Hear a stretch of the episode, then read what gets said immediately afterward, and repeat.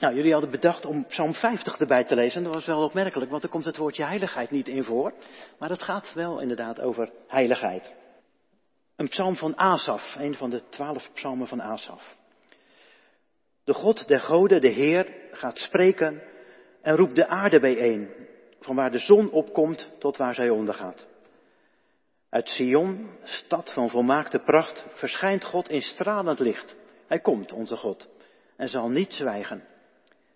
Laaiend vuur raast voor hem uit. Rondom hem wervelt een storm. Hij roept de hemel op daarboven en ook de aarde bij het oordeel over zijn volk. Breng mij getrouwen voor mij, die zich met offers aan mij verbinden. De hemel verkondigt Gods gerechtigheid. Hij zelf treedt op als rechter. Luister, mijn volk, ik ga spreken. Israël, ik ga tegen je getuigen. Ik, God, je eigen God. Ik klaag je niet aan om je offers. Nooit dooft voor mij het offervuur. Maar je stier uit je stal heb ik niet nodig. Nog de bokken uit je kooien. Mij behoren de dieren van het woud, de beesten op duizenden bergen. Ik ken alle vogels van de gebergte. Wat beweegt in het veld is van mij. Had ik honger, ik zou het je niet zeggen. Van mij is de wereld en wat daar leeft. Eet ik soms het vlees van stieren of drink ik het bloed van bokken? Breng God een dankoffer, geef de Allerhoogste wat je hem belooft. Roep mij te hulp in tijden van nood, ik zal je redden en je zult mij eren. Maar tot wie kwaad doet, zegt God, wat baat het je dat je mijn geboden opzegt en mijn verbond in de mond neemt? Je haat het als ik je terechtwijs, mijn woorden schuif je terzijde. Zie je een dief, dan loop je met hem mee en bij overspeligen ben je thuis. Je gebruikt je mond voor lastertaal. Je verbindt je tong aan bedrog. Je getuigt tegen je eigen broer. Werpt de smet op de zoon van je moeder. Zou ik dan zwijgen bij al wat je doet? Je denkt toch niet dat ik ben zoals jij? Ik klaag je aan. Ik som je wandaden op. Begrijp dit goed, jullie, God, jullie die God vergeten, of ik verscheur je en er is niemand die redt. Wie een dankoffer brengt, geeft mij alle eer. Wie zo zijn weg gaat, zal zien dat God redt. Toen ik deze week Psalm 50 las en heel de ontsteltenis over de oorlog in de Oekraïne, toen dacht ik, ja, ik luchtte op. Een psalm waarin God een soort tevoorschijn komt en hij zegt, kom, ik ga spreken en ik roep de aarde alles tevoorschijn. En ik dacht, oh heerlijk, zo'n psalm die in deze wereld waarin het duister om zich heen grijpt, het onrecht gewoon eens aanspreekt. Die de duisternis ter verantwoording roept. Die gewoon als een God die als rechter tevoorschijn roept. En ik dacht, dat wordt een mooie psalm uit te preken. Want het was toch een uh, afschuwelijke week om uh, alles opnieuw op je af te krijgen. Dat al het onrecht en het geweld en de duisternis om zich heen grijpt. En je voelt enorme boosheid en machteloosheid en verdriet. En dan roept zo'n psalm op tot gerechtigheid. God komt als rechter. Maar het zal niet de eerste keer zijn in de Bijbel dat je denkt dat je op het goede been staat en dat je dan op een ander been gezet wordt. Als je dan doorleest, dan is het niet de algemene wereld die tot de orde geroepen wordt, waar God als rechter over wil oordelen, maar het is zijn volk. Het is niet gewoon elke willekeurige wereldburger die iets goed of iets kwaad, doet, maar de volken worden wel ter verantwoording geroepen, maar ze zijn meer een jury om te kijken hoe God over zijn eigen volk oordeelt, dan dat ze in de beklaagde bank zitten. En dan gaat het gelijk ook over ons, over Israël, over de kerk. Deze psalm die roept het volk van God ter verantwoording. Ja, dat horen wij niet graag. Maar toch is het juist heel mooi dat wij soms ook door het evangelie op het verkeerde been gezet worden. Ik moest wel denken aan dat verhaal van David en Nathan, waar Nathan dat verhaal vertelde over, dat, over die man die zo'n zo'n iemand het schaapje afpakte, het laatste wat hij had, en dat David uitroept, ja, slecht die kerel. En dat Nathan zegt, ja, maar het gaat over uzelf. Nou, soms is het ook wel eens goed dat we zo in de kerk zitten. Zo van, we kunnen heel makkelijk over iemand denken, iemand die kwaad doet, die Poetin of die slechterik, maar God wil het over ons hebben. En dat is ook niet verkeerd, over u, over jou, over mij. Luister, staat er dan in de psalm, mijn volk, ik ga spreken. Israël, ik ga tegen je getuigen, ik, God, je eigen God. En wij, zitten, wij zijn denk ik wel opgegroeid in een cultuur waar ja, kritiek ontvangen, noemen we dan netjes feedback. Of als iemand over ons oordeelt, dat we dat niet zo prettig vinden.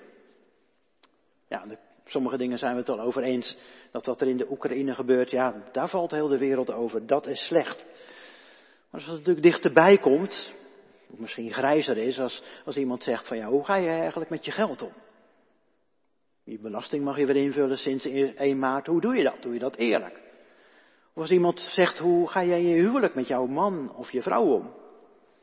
Of als iemand zegt van, was die nieuwe keuken in je nieuwe huis nou wel nodig? Of moet je zo'n hoge hypotheek krijgen? Of is die nieuwe dure auto wel nodig? Ja, dan hebben we al gauw, bemoei je er niet mee. Toch, dat is je privéleven en dat zijn mijn keuzes. Roep me niet ter verantwoording. Maar toch is het heel mooi als dat in ons leven wel eens gebeurt. En mijn ervaring is dat, dat soms de mensen die het dichtste bijstaan, dat het beste kunnen en voor mij dat ook het beste mogen.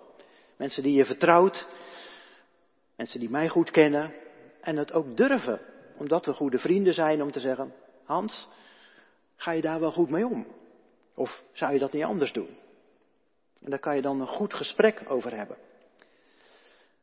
En dat is eigenlijk ook heel de mooie bedding van Psalm 50. Natuurlijk zitten wij niet op kritiek te wachten. Niet dat God tegen ons gaat spreken, ons ter verantwoording roept. Als individuele christenen niet, als kerk niet, als Israël niet. Maar hij mag het en hij kan het doen, omdat hij dat in vertrouwen wil doen. Het is wel mooi dat er in die psalm staat, ik roep je ter verantwoording, jouw God, je eigen God. En jullie zijn mijn volk. En in die vertrouwensrelatie roep ik je ter verantwoording. Want mooi gisteren was ik in het centrum ook op een vredesdemonstratie. Uh, waar de Abu Talib, ook onze burgemeester ook sprak. En ik vond het wel mooi dat, dat hij ook iets sprak over vrede, maar ook als moslim. En hij, hij zei ook van hoe hij daar zelf mee omging. Dat hij zegt van als ik een dag afsluit, dan denk ik na van wat heb ik gedaan? En heb ik dingen goed gedaan of slecht gedaan? En hoe kan ik dat morgen eventueel rechtzetten? Hij trok dat lijntje nog wel even door naar Poetin. Dat hij dacht van ja, die man die moet ook zijn tanden poetsen s'avonds. Hoe kijkt hij in de spiegel? Zou hij ook zijn dag zo evalueren? Alsof hij denkt van ja, wat heb ik goed gedaan en wat kwaad gedaan?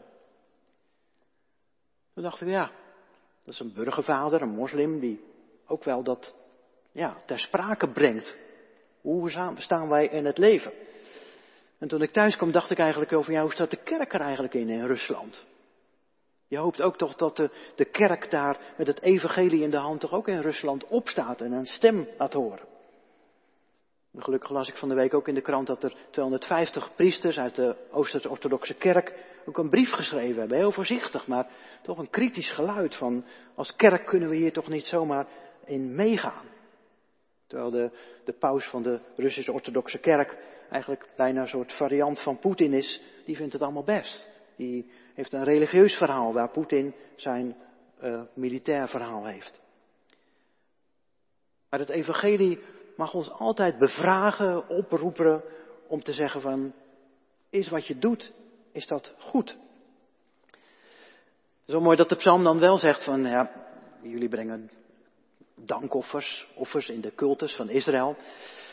En in een commentaar las ik, ja, wij, brengen vandaag geen offers meer. Er worden hier geen stieren of kalven meer geofferd, gelukkig niet. Maar wat is misschien ja, onze rite? Is dat de preek? Is dat de lofprijzing? Is dat, zijn dat de sacramenten? En dan zegt God in de psalmen eigenlijk, ja, het is goed dat jullie dat doen. Jullie moeten de dankoffers brengen. Nou, we mogen lofprijzingsliederen zingen. Je mag preken. Je mag bidden. Je mag bij elkaar komen. Maar is wat je doet Wat je zegt in een preek, wat je zingt in een lied, in de overeenstemming met wie je bent. Daar wil de psalm het over hebben. En dat is eigenlijk wel heel mooi. Zijn wij integer? Zijn wij heilig, niet alleen wat we in de kerk doen, maar zijn we ook heilig in ons leven? Want als we bij God willen horen, als we hier ja, heerlijk zingen met elkaar, u bent heilig en ik wil u volgen. Hoe leven wij daarna? Is dat te zien in ons leven? En daar kraakt de psalm wel een paar kritische noten, want als je dan meedoet in die offercultus, of als je hier lofprijsliederen gaat en je gaat naar buiten en je liegt en je bedriegt, je pleegt overspel, je stilt, dan gaat er iets fout. En daar roept God ons ook tot de orde. Hij wil ons heilig hebben, want Hij is heilig. Maar dan mag Hij ons ook op aanspreken. Niet als vreemde buitenstaander om ons te oordelen of af te schrijven, maar omdat Hij onze God wil zijn. Omdat wij aan Zijn hart gaan. Omdat wij in Christus dichtbij Hem mogen komen. Maar dat Hij ook ons heilig wil hebben. En dat is ook onze redding wel, dat, dat natuurlijk God ons zo dichtbij komt.